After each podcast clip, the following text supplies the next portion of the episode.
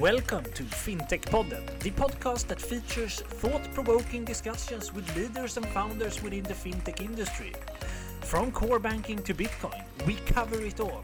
Now, get ready for the next episode.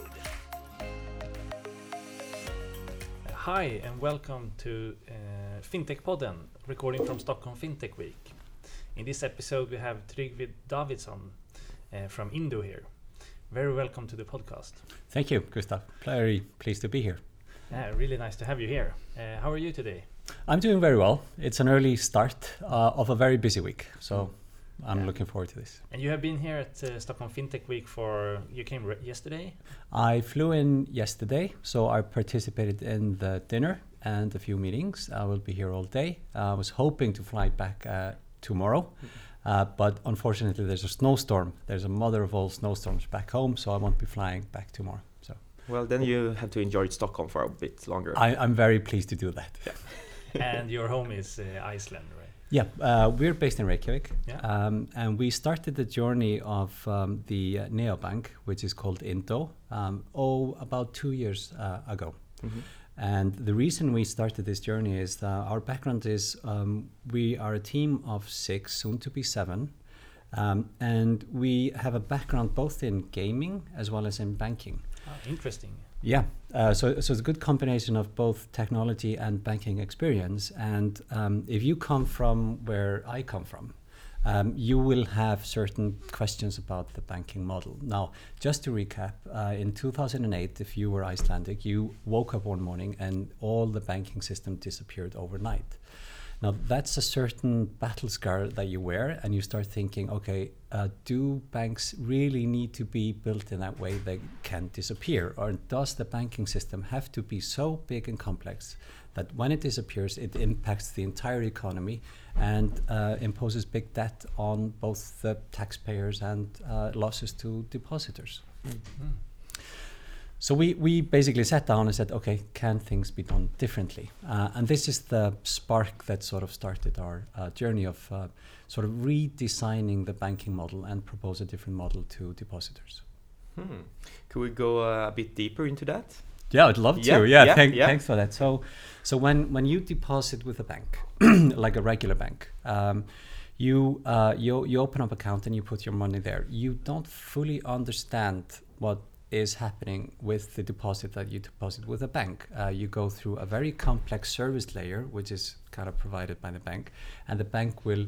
Um, allocate kind of you know lend out your money into something that you have no control over what is now, um, that is the traditional model. The model that we're building on is basically to say, well, when you deposit your money with us, it's a very simple service. All we do is that we deposit your money with the central bank or in government securities.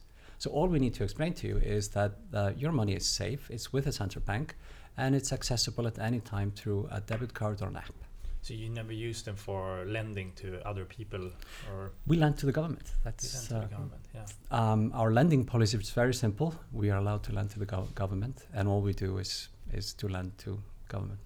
But do you have other services on top of that? Or I guess this is the core, but Th- th- this is the core of how we're built up and how we are different. Mhm. Uh, so our backend is very different from kind of regular banks, which Mhm. offers uh, full transparency and full control. You understand what kind of impact your money is doing, and full transparency on on kind of uh, when you are using it. if we look into the technology, how would you say it differ from uh, perhaps a regular Icelandic bank? Yeah, uh, so I would think of uh, Indo as um, as a new technology. So it's a simple service layer and a UX that sits on top of the financial infrastructure. Mm-hmm. So it's it's a very simple and cost-effective service layer with a great app, Hmm. uh, and um, and kind of your your your salaries account is is basically sitting on top of central bank, and when you use your money, you're when you go to a, a shop and you buy uh, something in the shop, uh, you are effectively transferring money out of a reserve account at the central bank and, and paying at the, the till. Uh, Mm. We take care of that. Mm. So from my understanding, this this is something that would um, uh, prevent uh, a 2008, t- 2008 crisis from happening This, again. yeah, because th- this is a different model. Yeah. Um, so it's the cheapest model to serve the need, your need to have the money accessible and safe. Mm. Uh, and uh, it would not kind of impose uh, big losses to anyone uh, if uh, a crisis like 2008 would unfold or if this model is not working and, and we need to disappear. All that happens is that, well, somebody takes the key and, Mm. and, and gets the money from the central bank. Mm. And you So, so the big question we're asking is like, why do banks have to be so big and so Mm. complex, Mm. while the need the banks are serving to most people is just to keep money safe and accessible. Mm. Uh, transparency is key as well. Uh, so we are very transparent about all the fees that are incurred, and they are very low. Uh, and we are also transparent about how we make money. Mm. So, what type of fee structure do you have for your customers then? Uh, it's very simple. Uh, there is uh, an interest rate uh, at the overnight deposit. So Iceland is a, a relatively high interest rate environment, and then we pay uh, our community uh, a different interest rate. So there's an interest margin there. Uh, there's an al- there's also a transaction fee every time you use your card, and uh, there is a small fee which Mm. is comparable to what the banks are charging. And then there is a uh, interchange fee as well. Mm. Now you asked me earlier about uh, other products on top. Yeah. Um, our core product is the current account, but once we have established that con- that that product, uh, we expect to work in partnership with other providers providing overdraft or personal loans or car loans. But that would be done on a partnership basis, and we won't be using the current account to fund these. Mm. This is the, the difference. We'll do it will be funded by separate vehicles. Mm. So your money is always kind of where you want it to be. And here at the Stockholm FinTech Week, uh, will you be in a panel debate or having a keynote or? Yeah, uh, I'll be in panel with uh, neobanks. Mhm. Uh, we had a fantastic uh, conversation about a week ago, uh, preparing for the ta- panel. Uh, and I think it will be an interesting Mm. conversation. I don't think it will be a debate, uh, but I think it will be more like um, You're on the si- same side, or we're on the same side. But what, what kind of interested me is that uh, we are a different model. Mm. we are a different backend. We own our backend, and we are going through the entire process of establishing a banking license. So, even though it's a very simple service, it's a bank in every uh, essence of the word. Uh, whereas um, it felt in our previous conversation that uh, the other neobanks are not challenging the model uh, in the same way as Indo is looking to achieve. If we look Th- into they the- challenge the banks in every way, but not Mm. in the how they conduct the how they manage the back end of their business. Mm. But if we uh, look into the license uh, required, like in Iceland, is that passportable to the rest of Europe, or how does that work for bank banking license, for example? Uh, uh, the answer is yes. The Mhm. um, the uh, the banking license is passportable uh, into Europe, Mm-hmm.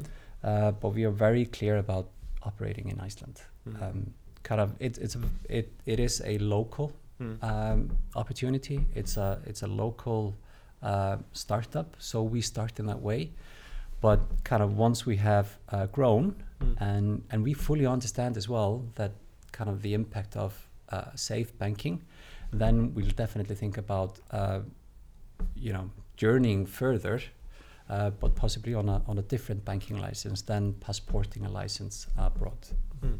And how is the, the FinTech ecosystem in, in Iceland? Is it big or? It, it, it is growing. Yeah. uh, I, I just spoke to um, uh, Gulli, who managed the ecosystem. There are 90 companies uh, Mm. there. Um, and, uh, you know, I think we have um, a very interesting market to grow. Uh, Mm. I think Iceland can be a great test market as well. Mm. Uh, and we are capitalizing on that, by the Mm. way. Um, we will be the first neobank. So Mm. that is an advantage. Um, and and I hope that kind of you know in coming years uh, there will be more neobanks following uh, our lead. You also have players like Meniga, that's from Iceland, right? Yep. Yeah. Yep. They're quite big in Europe. Yep, yep. Uh, and they they would probably be the largest fintech uh, company uh, from Iceland. Except you guys. We we are uh, we're rel- we're we're small. I think we will uh, remain relatively small while we are kind of building up the business. Uh, but like you said earlier, uh, when the time comes to go abroad, uh, then then we'll definitely get bigger. Hmm. We But we will have a lot of clients. if we look into the different markets in the Nordic area, for example, according to you, are there any difference between Iceland and Sweden, for example? Uh, Yeah. Do you have any opinion on that? Uh, the answer is yes. There are definitely meaningful dif- differences. Uh, if I just elaborate on how Iceland is different, uh, the the the perception that we are capitalizing on is the distrust, uh, and and this is a big statement, but 57% of the population does not trust the banks. Hmm. No, I'm just not saying that out of thin air. There's a government report that demonstrates that uh, the distrust is very uh, very high there. So our way as a startup uh, to uh, cope with that is to say, okay, let's build a safe bank and let's be entirely transparent and simple about what we're doing. Mm. So, so the the distrust element, I think, is something that's quite peculiar. Uh, the what I described earlier, the interest rate differential between the deposit rates and the central bank overnight rates, Mm. uh, is something that's quite unique as well. Mm. Uh, and like we mentioned earlier, uh, we are the first neobank entering the market. So you can think about uh, it not being as sort of um, on the same digitalization Mm. and, and user uh, level as you have gotten used to over here. So there, there's a gap there that we uh, will bridge as well. So uh, now you have been on this journey and starting up this company. Uh, do you have any other tips or recommendations for other people in similar situation, just starting up with an idea, what to think about, and maybe what to avoid? Mm-hmm. Yep. so um, this journey has been uh, two years long already, and um, we're clo- we're coming to the end of this journey. I hope uh, aiming to go live over the first half of this year. So it's an important milestone for us. Now, if I reflect, uh, the most important part of the journey is to choose the journey um, selectively Mm. uh, and be very honest about uh, your um why you are starting this journey. And I'm saying this because um, this is the second or third journey that I start, and this is the first journey where uh, my values are totally lined up with what we're doing. And we're talking about the transparency and empowerment of the customer and changing uh, a market, banking market, within which I've worked for a very long time. This is one observation. The other observation is the team Mm. Uh, it's about the team. Uh, I have the pleasure of working with kind of amazing team Mm. where everyone is a specialist within their field, uh, and as a combination of individuals, we're a much stronger identity. And the reality is, one day you will walk into the office and say, "Well, this is never going to work," Mm. right? Uh, and then there's a team member just firing away, figuring out a new way to climb over the obstacle that you're dealing with. Hmm. But would you say you have done any mistakes you're regretting? Uh, I've certainly done mistakes. Mhm. um, and I've learned from them. Um, there is not a mistake that I. There are definitely mistakes that I regret. There's Mm. none that sort of jumps to me right now in the context of the journey of Indo, Mm. um, because when you're aligned with what you believe in, uh, then the mistake you do is the mistake you're doing because you believe in something, and and it's it's your mistake, Mm. and and but it's because you li- believe in it.